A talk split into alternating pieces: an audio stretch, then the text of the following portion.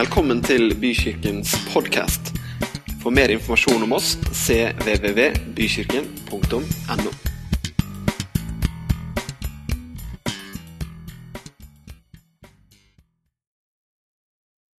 Det jeg egentlig skulle begynne med, var å fortelle en historie om en mann som var ute på Seljordsvannet.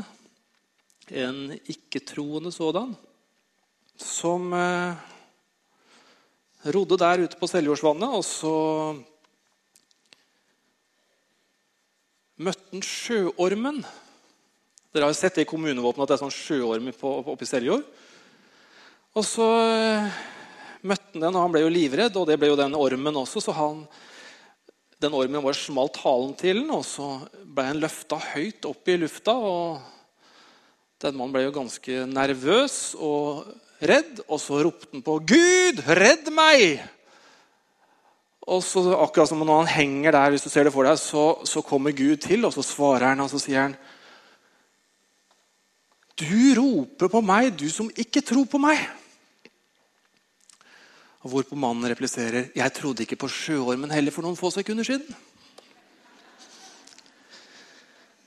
Sånn er det jo noen ganger med det å leve og ha ballast. Denne mannen var i en liten robåt, og han hadde ikke så mye ballast utenom seg sjøl. Og han var lett å flytte på, for å si det sånn. Eh, våre båter, våre kropper, våre eh, oss som mennesker vi, vi, vi, er litt sånn som båter. Og eh, vi seiler litt, eller vi seiler ikke. Og eh, Noen ganger så er vi rysta, rust, ikke rysta, men vi er rusta for å møte utfordringer, og så er vi rusta for ikke å møte utfordringer. Og Det er jo i og for seg helt greit, det, men eh, jeg har tenkt å snakke litt om det at vi kanskje bør tenke på hvordan vi kan bli rusta utrusta, og hvordan vi kan få ballast. Så det jeg har tenkt i dag, er å egentlig snakke litt om tre ting som jeg håper på at du kanskje skal sitte litt igjen med. Det er at eh, Gud skal hjelpe deg med å få stabilitet og retning på alle ting i livet ditt. Uansett hva det er, så kan Gud hjelpe deg. At du skal bli utfordra til å ha nok tyngde eller ballast om bord, slik at du kan komme andre mennesker til unnsetning. For Én ting er jo å redde seg sjøl og hva skal du si, forretning på ting. En annen ting er å være det forbildet, den som trekker noen, og som redder noen. Og Det tredje er at det å gjøre det utgjør en del av det å være kirke. Så det er det jeg har lyst til at du skal på en måte sitte igjen med i dag. Fortelle deg litt hva vi tenker der.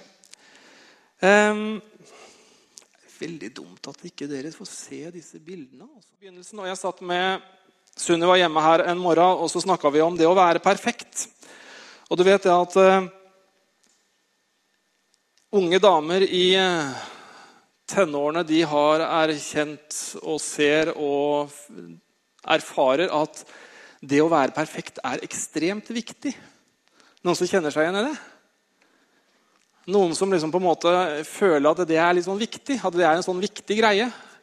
Eh, Facebook Jeg kjenner jo omtrent bollelukta fra noen som har bakt de mest perfekte bollene når fredagen er kommet til familien og kakaoen står og venter på kvelden. og jeg vet ikke hva. Eh, vi har et samfunn som på en måte strever etter veldig å bli perfekt. Og det er jo greit nok det i noen sammenheng. Det er fint når ting liksom er på stell. Men eh, som jeg sa til Sunniva Erkjennelsen av hvorfor vi er faktisk kristne, er jo at vi overhodet ikke er perfekte. Har du tenkt på det? Jeg er altså kommet til den erkjennelsen at jeg vil ikke greie å kunne treffe og oppnå og kunne bli frelst fordi at jeg er ganske perfekt. Det handler faktisk om den erkjennelsen at jeg er det ikke. Så jeg trenger nåde og frelse og leve i det hver dag. Og det er liksom så fundamentalt fordi at alle menneskene rundt oss de oppfatter jo noe helt annet. De oppfatter jo liksom at vi kristne vi tror at vi er de perfekte. Vi er de som får det til, og vi er de som på en måte greier bare enda, enda litt mer enn det de andre. Tusen hjertelig takk. Nå redda du dagen min, for nå sto det helt stille. For eh, når det gjelder teknikk. Jeg vet ikke om du har det sånn noen ganger, men når det er mange som ser på, eh, så blir det veldig vanskelig. Det blir bare skikkelig vanskelig. Men vi trenger faktisk å leve i den erkjennelsen og den nåden. Og Jeg sa til en kompis som var med en dag, at det, det er faktisk derfor jeg er en kristen. Fordi jeg er ikke perfekt. Åh, Jeg trodde du liksom hadde fiksa det skikkelig. Einar. Nei, overhodet ikke. Og, og Derfor så er det så utrolig viktig at det er den, det som er utgangspunktet når vi møter mennesker. Så er det at eh, jeg fikk det ikke til, men jeg fant en som kunne hjelpe meg. Jeg fant en som faktisk brydde seg så mye, og som orka å møte meg med de feila og manglene hver dag.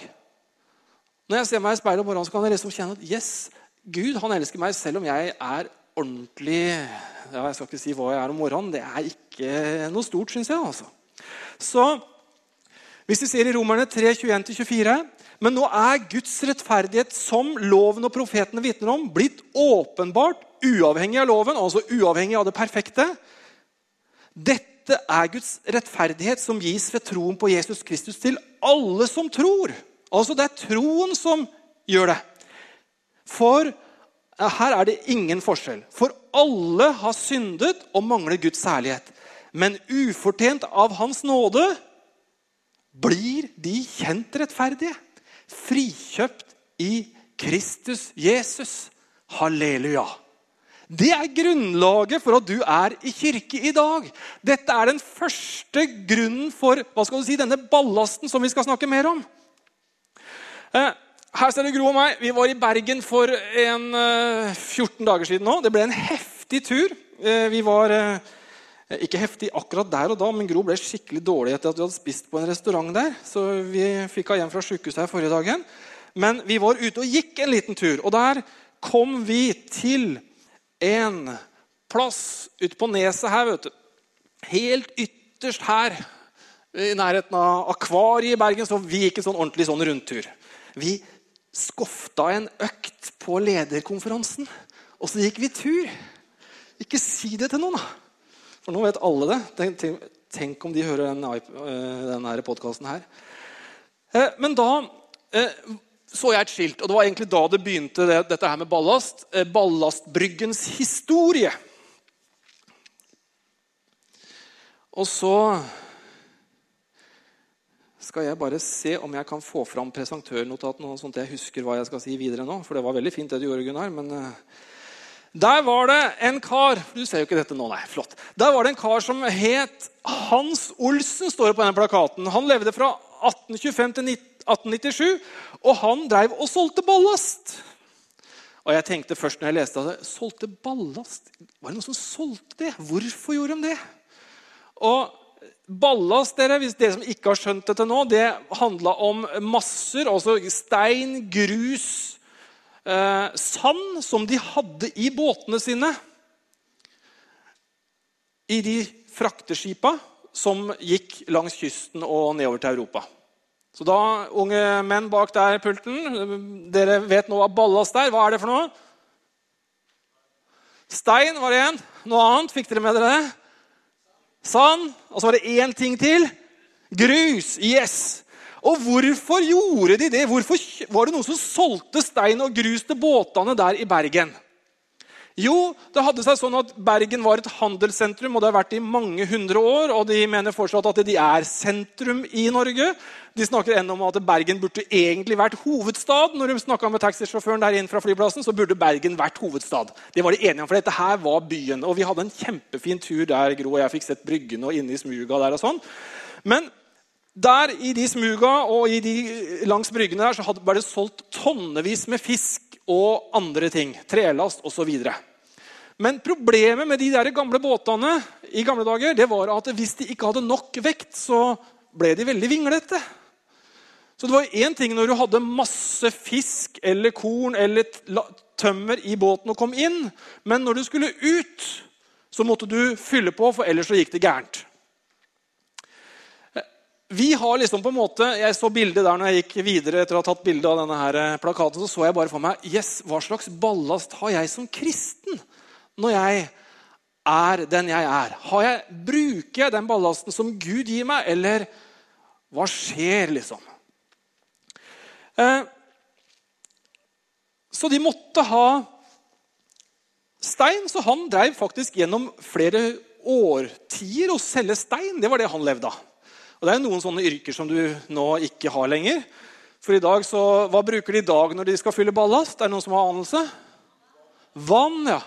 Er det et problem eller er det ikke et problem? Bare for et sånn sidespørsmål. Jo, det er et kjempestort problem at når du fyller vann i Australia og tapper det i Oslofjorden, så får du sånne litt sånne rare fisker innimellom og litt rar fauna i vannet. faktisk. Fordi at du drar med deg masse smitte eller masse så du, denne ballasten også, de dro med seg mye rart inn i Norge, som av, av planter bl.a. Ja. Så tenkte jeg videre da, vet du, at eh, Jesus han gir oss på en måte en tyngde. Eller gjør han ikke det? Det å være en kristen, er det liksom noe som er tungt? For det, det er jo noe jeg har mange ganger tenkt at ja, jeg syns jeg har fått mye ballast. Eh, og det er ikke positivt, for det føles litt tungt som kristen. Noen som har følt at det er tungt å være kristen noen gang? Det var et par, tre, fire-fem stykker som var ærlige her. Jeg har i hvert fall følt det noen ganger. Og så har jeg tenkt er det fordi Jesus liksom har putta så mye på meg? Nei. Det står det i Matteus 11, 28-30.: Kom til meg, alle dere som strever og bærer tunge byrder, og jeg vil gi dere hvile. Ta mitt åk på dere og lær av meg, for jeg er mild og ydmyk av hjerte. Så skal dere finne hvile for deres sjel, for mitt åk er godt, og min byrde er lett. Ah, går det an da, da, i forhold til dette med ballast? Jeg tror at Gud gir oss en ballast som nødvendigvis ikke er så tung, men som holder skuta likevel stabil. Hm. Dette var en skikkelig, skikkelig svær seilbåt som vi så en gang vi var i en by i vårt naboland. Eh, hvis dere ser ned på sida her, så ser dere at det er liksom et amerikansk flagg. Og hvis dere bare liksom prøver Med min lille iPhone den gangen så fikk jeg liksom ikke stor nok avstand til å liksom få full høyde på liksom i forhold til disse bygningene. Og det er 1, 2, 3, 4, 5, 6, 7 etasjer pluss tak på det huset der. Og så ser du liksom Den ligger klin inntil. Det var liksom dimensjoner på den. Noen av dere har sett den før. Den hadde kryssa Atlanteren, og den var dyktig sjødyktig for å kunne gjøre det.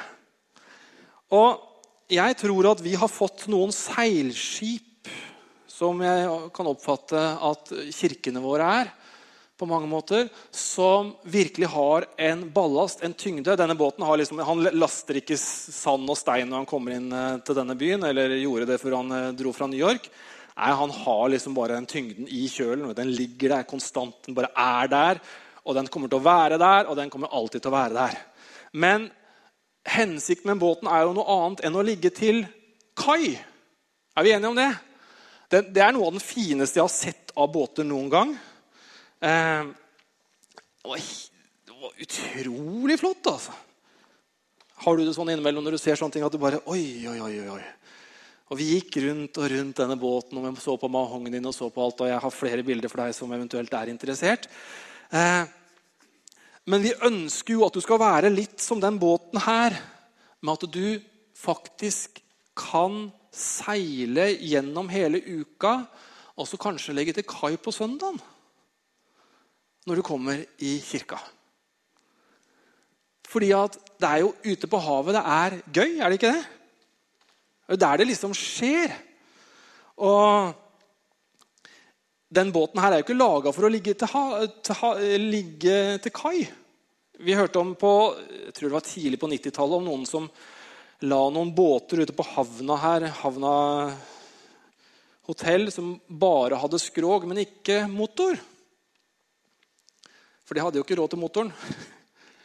Men de lå til kai. Jeg tror ikke vi skal være sånne båter. Jeg er jo i det spørrende hjørne, så jeg spør Nå skjønner du hvilken by den båten lå i, som vi var. Eh, men det ligger en annen kjent båt der også. Er det noen som eh, vet hvilken båt jeg spør om der? Det har noe med knekkebrød å gjøre. Dere bak der, har dere noe anelse? Vasa. Det er jo en ganske spennende historie. Jeg skal ikke dra hele den, men den ligger da på andre sida der. Og vi fikk jo lov til å glede oss å se det også. En helt annen type båt.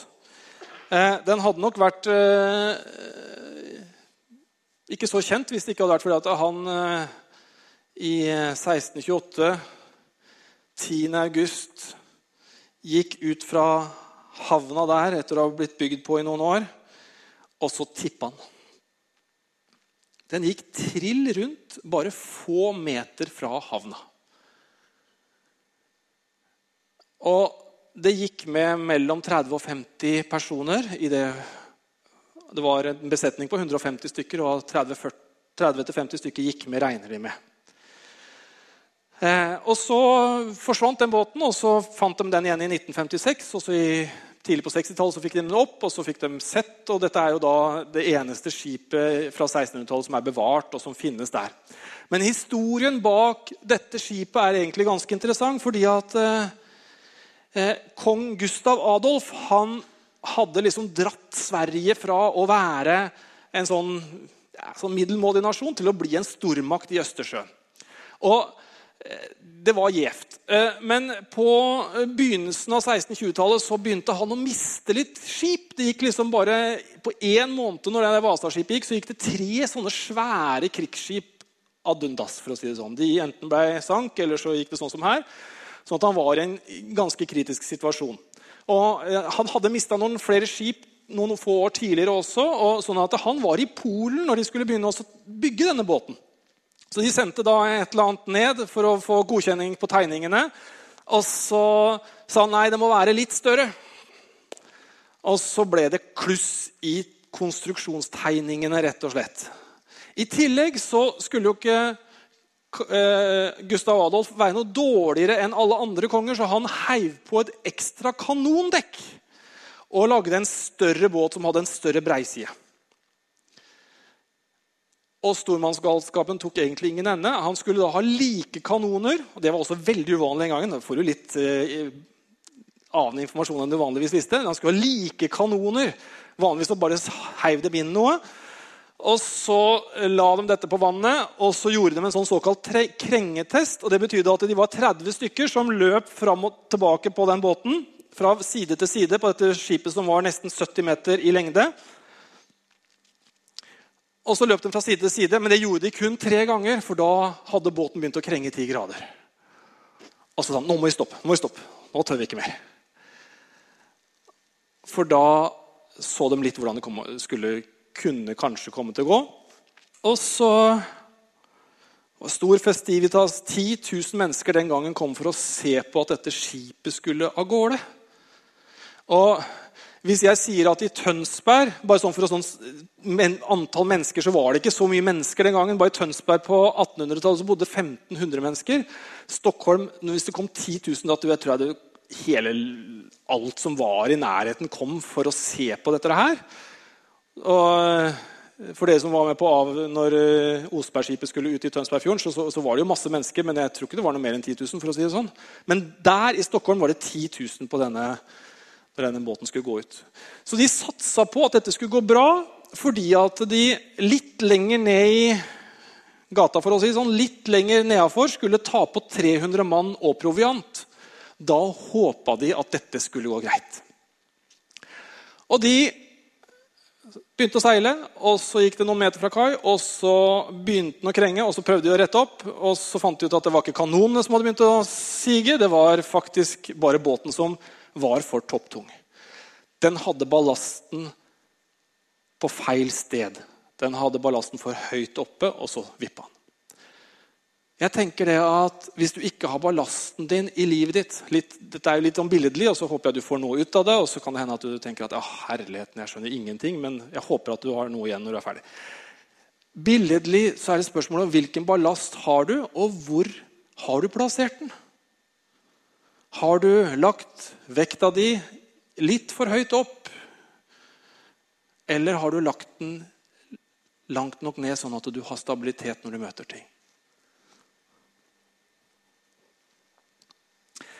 Skip var jo egentlig på den gangen liksom alle store oppdagelser, alle store ting som skjedde, all handel, alt som hadde noe stor betydning, skjedde jo med skip. Er vi enige om det? Jeg skal ikke holde så veldig mye historieforelesning mer for det nå, men, men det, det, skip var veldig viktig. Osebergskipet, når de bygde det nå, den kopien som var her borte Jeg stod, satt og drakk kaffe en morgen her for en stund siden. og da drev de, Først liksom, lå det masse stein vet du, på brygga der. Og så var det dugnad, og så bar de om sånne svære kulestein som de la i kjølen på, på Osebergskipet. Så ballast har vært viktig alle, gjennom alle tider når de skulle ut og seile. Selv vikingene brukte ballast. Et viktig prinsipp. Og Skip har vært brukt da gjennom årtier, århundrer, årtusener vil noen si, på å frakte og gjøre ting mulig. Og det skapte De gjorde noen oppdagelser, det skapte rikdom. Det eh, var flott med handel. Alt hadde noe med båt å gjøre. Og det har det vel egentlig vært ganske mye fram til i dag. Jeg hørte et sånt lite radiointervju med noen, en gammel sjømann her på fredag. og Han sa det at eh, før i gamle dager så var båtene av tre og matrosene av jern. I dag så er båtene av jern og matrosen er noen treskaller. Han mente at alt var mye bedre før. Og vi kan vel kanskje si det at eh, vi som mennesker er blitt litt sånn som eh, en ny båttype som har eh, kommet i vår nærhet. Den er ganske liten, og den bruker ganske mye drivstoff i forhold til størrelsen sin. Den har ikke så stort behov for så mye mannskap. Den har ofte ikke staket ut en kurs engang. For han har jo ikke kartplotter. Og den kan betjenes av én person. Det er fritidsbåten. Det er min båt, da. Det er en veldig hyggelig kar. Eh, fin sak. Eh, men, eh, og det er egentlig ikke noe gærent med båter, men bildet mitt er litt at vi er litt uavhengige egentlig av andre enn oss sjøl. Vi kan liksom bare, Den der vet du, den kan jeg ut og kjøre med aleine. Ikke noe problem. Og Sånn er det med oss litt som mennesker også. Det som er kjipt med den, da, for å si det sånn, det er jo at jeg har jo aldri plass til mer enn fem, seks, syv stykker inn. Får jo ikke med meg noe særlig folk engang. Skulle jeg møte på noen som er i Havsnød Jeg går jo aldri langt ute, for den er jo ikke så fin i bølgene heller. Den, jo, den har liten ballast, annet enn fiskestanga og vannskia som ligger i dørken der. Liksom. Det er liksom det som på en måte er ballasten, og, og selvfølgelig bensintanken. Men den tåler ikke så fryktelig mye heller. Og så ligger den fryktelig mye til kai. Altså, den ligger på brygga. Den er ikke i bruk engang. Til eh, ja, min store fortvilelse noen ganger. og Jeg vet ikke. Eh, men, men, den er ikke en båt som eh, du er ute i i hele uka, for å si det sånn. Det er ikke den du liksom tar med deg og så reiser du på hav, havseilas eller går runden. Kanskje du, hvis du legger på noen fot, fot, så kan du det, men ja, den går mest i Vestfjorden, for å si det sånn. Men poenget er at vi mange ganger er litt sånn også som mennesker. Vi er veldig individualistiske. Vi har plass til få mennesker rundt oss. Vi bruker når det passer oss. Når været er fint, når det er stille, lite vind. Og så tror jeg at den er egentlig litt sånn som eh, Eller dette beskriver kanskje litt sånn som vi føler noen ganger. Jeg er ikke singel, jeg er i stabilt forhold med min frihet. Det er en sånn frihetsgreie på en måte. Og Som kristne så tenker jeg at ja, det er fint, det. Men eh, fint å være Vi møter jo noen innimellom som sier at ja, men det å være kristen, det er jo, det er jo eh, greit. Men, men kirke, det, det, er ikke så nøye. Eh, men det er, jeg svinger innom innimellom. Og som sagt, Gro var på sykehuset her en runde etter å, å ha spist litt mat i Bergen. Eh, og så På akuttmottaket så har du en sånn der plate som du kan trykke 'fornøyd', 'mindre fornøyd'. Eh, har du sett sånn rangering når du går ut av akuttmottaket? liksom? Eh, har vi litt sånn fått som individualister i kirke også? liksom?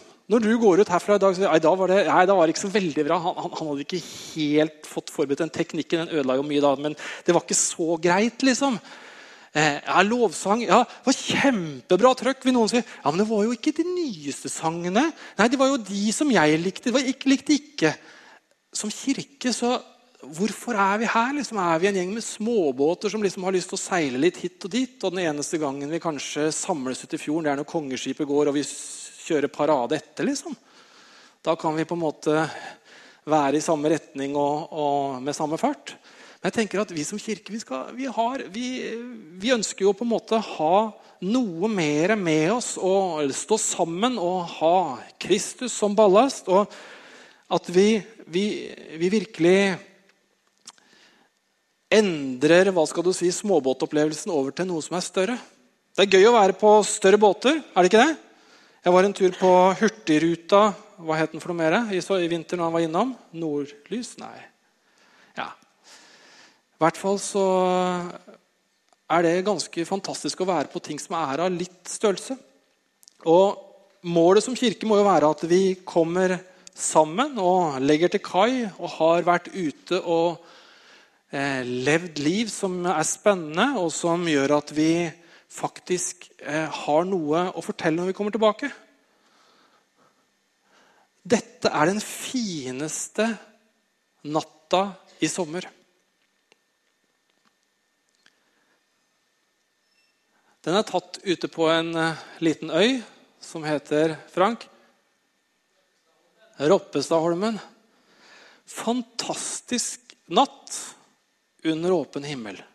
Den kommer jeg til å huske for alltid. Og Poenget mitt er at når vi seiler, når vi er ute, både i finvær eller dårlig vær, så vil vi ha historier å fortelle.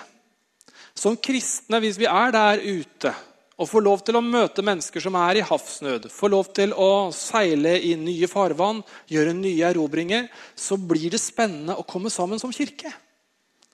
Da har vi noen historier å fortelle, og vi har noe vi kan bidra med inn til andre som er kommet inn. Sånn at våre liv er fylt av det å ikke ligge til kai, men det å være ute og seile som frelste kristne mennesker. Det er nesten når jeg ser det bildet som jeg kunne tenke meg å skrudd liksom tre måneder tilbake igjen. og så bare, åh, det var så deilig.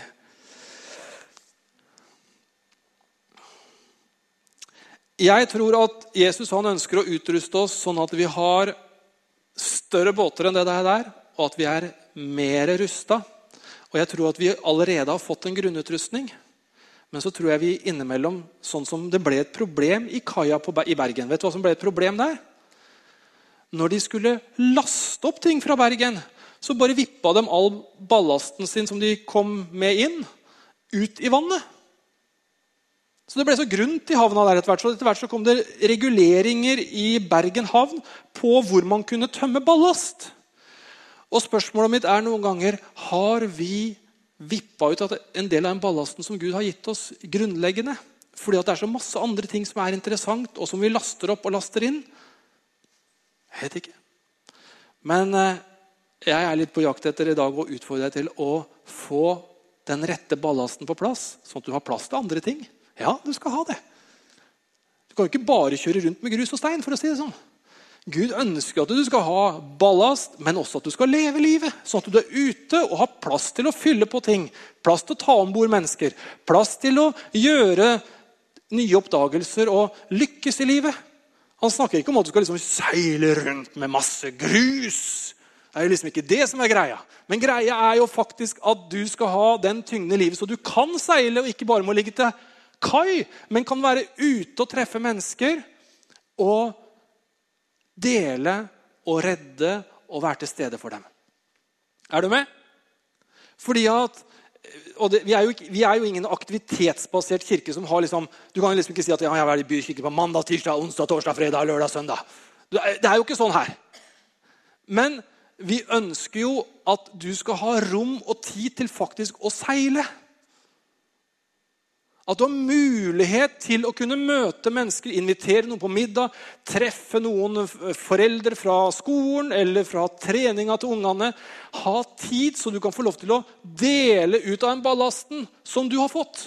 For du har fått noe i livet ditt som du kan dele videre. Og den ballasten er det veldig mange som har lyst på.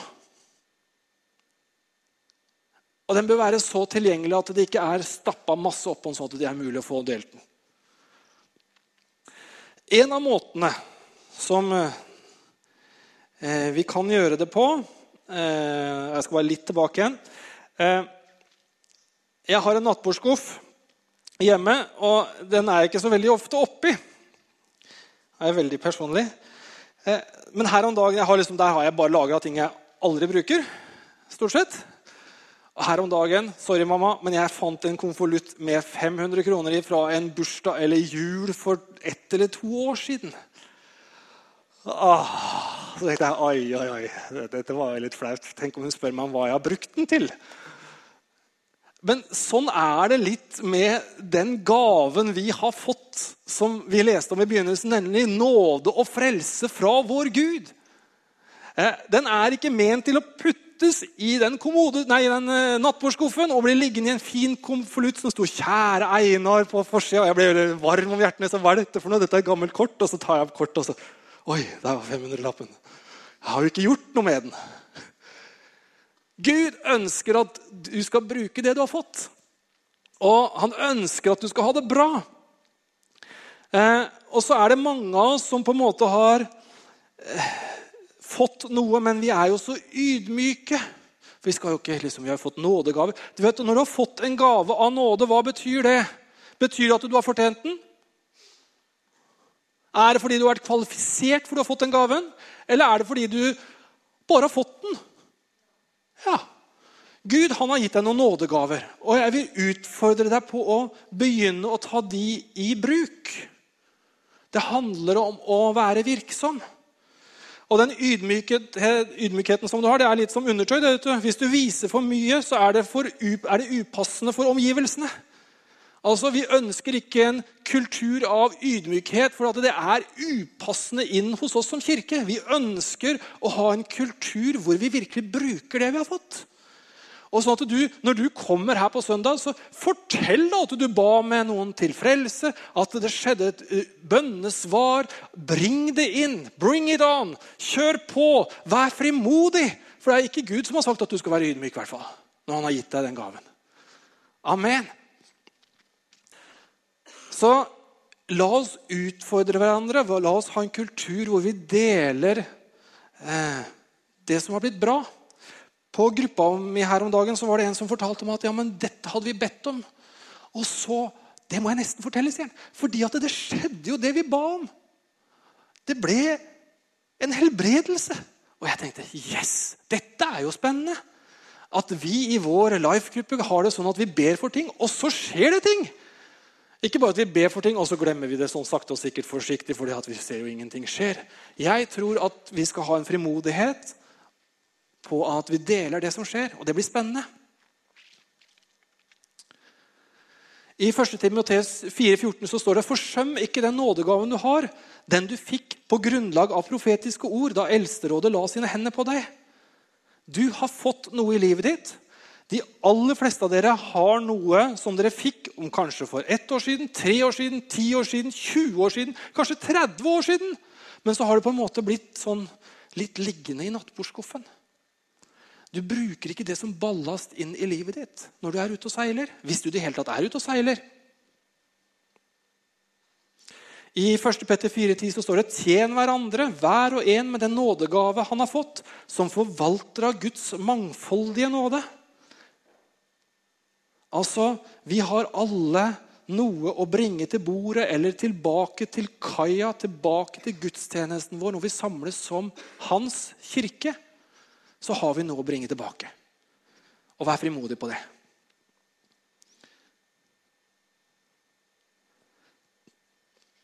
Jeg tror at vi er skapt for å leve spennende liv. det vil krenge innimellom når du seiler. Den amerikanske seilbåten du så, den, den, den la seg nok noe over når han kryssa Atlanterhavet. Altså. Men han hadde så stor tyngde i bånn at det var ingen problem. Og Vi ønsker jo at det å treffes som kirke det skal gi deg både ballast, justering på hvor den ligger i båten, for det er også ganske viktig. Hvis du har alt bakkant, så blir det gærent. Hvis du har alt foran, så blir det også gærent. Hvis du har det riktig plassert, så gir det optimal seilingsfart. Det er jo noe av det Kirken er med på å skulle gjøre. Men vi ønsker jo at Kirken skal være et sted hvor du får påfyll med både proviant og ballast hver gang du treffes. Og det er det nødvendigvis ikke herfra fra plattforma som behøver å være. Det kan være at du har samfunn både ute i kafeen, her inne eller før, under, etter. Så vil Gud fylle på. Fordi det er ikke avhengig av om jeg har vært flink her i dag, om du har fått noe. Det som er avhengig av, det er at du tar imot og lar Gud tale til deg gjennom de du møter, og det du hører. Ikke sant? Du vet, Noen ganger så vi, blir vi veldig opphengt i hvordan det formidles, og hvem det er som sier noe, istedenfor å være opptatt av hva som blir formidla. Jeg husker fortsatt en kar som var og preka i en kirke jeg var, som hadde på seg grønne slagstøvler og dress husker eh, faktisk også litt hva han snakka om den dagen. Eh, men, men, det er liksom noen sånne ting du husker så godt fordi at det var så spesielt. Men, men hva man snakka om, det var ikke så viktig. Og Derfor så tenker jeg at la oss være åpne framover for hva som blir sagt, og ikke av hvem eller hva og hvordan og hvilken form. Så er det et lite tips da, til hvordan eh, man, når man er ute og seiler. Eh, I Norge så ja, Det var et dårlig bilde jeg fant på, på Internett. Den ble mye dårligere. Nå ble stor, stor i hvert fall. Som heter Kreiberg legebok for sjøfolk. Har du hørt om det noen gang? Det var en sånn bok som de hadde med seg. Det var en norsk kar, som, en lege, som skrev på midten av 1800-tallet, som liksom ble sånn standard hva skal du si, lektyre for eh, disse som var ute og seilte. Og eh, Det hendte jo når de var langt av sjøs, at de hadde problemer Eh, Einar, kjenner du den? Har du sett den? Nei. Du er vel en av de få her som har seilt, tror jeg. Eh, hvert fall, Når de hadde problemer eh, til sjøs, når en fikk en blindtarmsbetennelse eller eh, fikk et bein som ble klemt, eller, så, så, måtte de jo vite hva gjør vi Og De som ikke hadde store nok skip, de hadde jo ikke med seg egen skipslege. Så da var det kaptein eller skipper som måtte utføre dette. Og jeg kan bare tenke meg hvordan det må ha vært, og hvilken trygghet det må ha, som har måttet føltes når, når eh, du visste at han som skulle ordne på dette beinet som var klemt i stykker og knust, han og skulle amporteres, han har ikke peiling på dette. Han har aldri gjort det før. Han står med boka, og så leser han 'Nå gjør vi sånn'. Eller som en jeg hørte også i sammenheng med disse som uh, dette intervjuet på fredag, om de hadde brukt denne boka, og så hadde de da eh, fått en, eh, en, av de ansatte, holdt jeg på å si, en eh, av mannskapet hadde fått en blindtarmsbetennelse. Så det sto i boka at de skulle behandles med is og gis eh, eh, gis bedøvelse, holdt jeg på å si, gis smertestillende. Og når de kom opp til Japan, så eh, fikk de jo han inn på sykehus og ordna. Og så fikk de da brev tilbake på engelsk om at han var behandlet, men den største skaden var frostskaden han hadde på magen. For de hadde jo vært veldig nøye med å ha veldig mye is på hele tida. Så han hadde fått frostskader. Jeg tenker det at eh, Vi har ikke noe legebok i så måte, men vi har allikevel en manual som vi kan ha med oss gjennom uka. Og det er Bibelen. Eh, den gir anvisninger når vi møter utfordringer. Og jeg vil utfordre deg til å ta den fram og på en måte lære deg litt av hva som står her, så kan du det når du møter situasjonene. Istedenfor å måtte slå opp akkurat der og da og si nå, hva gjør jeg nå? Ja, nå legger jeg på is. Og så blir skadene kanskje litt større selv om du retter opp noe. Er du fortsatt med? Yes. Vi har Bibelen som en ting som kan hjelpe oss og lede oss og vise vei.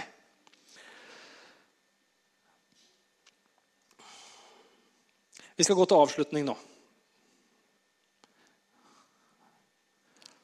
Jeg har sånn fin klokke. vet du, 12.27,56. Jeg har egentlig to minutter på meg. Når vi leser om Paulus, så forteller det meg om at det kvalifiserer i hvert fall alle vi som er her, til å på en måte være frimodige. Paulus han var en ordentlig fæl mann før han møtte Jesus. Han var ingen hyggelig kar. Men allikevel så sa Gud at 'jeg ønsker å bruke deg, Paulus'. Jeg ønsker at du skal bli en av de som sprer evangeliet på en så god måte at jeg har lyst til å ha med deg på laget. Så litt tilbake igjen til den erkjennelsen som vi snakka om helt i begynnelsen her. Vi vet at alle her er kvalifisert til å gå med Gud og til å kunne gjøre noe.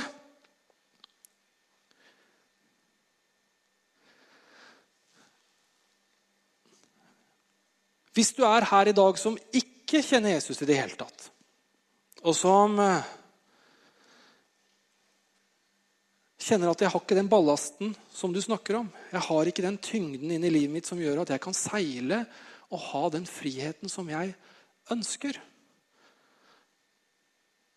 Så har du en mulighet i dag til å ta imot den ballasten inn i livet ditt. Du er kanskje her i dag som ja Forresten, kanskje jeg er litt sånn jeg på, Skal vi ha litt musikk? vi får litt sånn spill og sånn, også at dere kommer opp. Er det greit? Eh, du vet at eh, Hvis du føler da at du, du har litt ballast feil plassert, den ligger litt skeivt, eller du har ikke så mye, eller du kanskje har for mye, så ønsker Gud å justere og hjelpe deg i dag. Jeg vil utfordre deg nå når vi begynner å synge litt, til å spørre Gud om hvordan er det med min ballast. Hvordan er det jeg er rigga for å seile ukentlig, hver dag? Er jeg rigga for å seile? Er det sånn at jeg greier å kunne møte en storm, møte en utfordring En utfordring greier de fleste, sier du selv uten Gud, og det er kanskje riktig, det.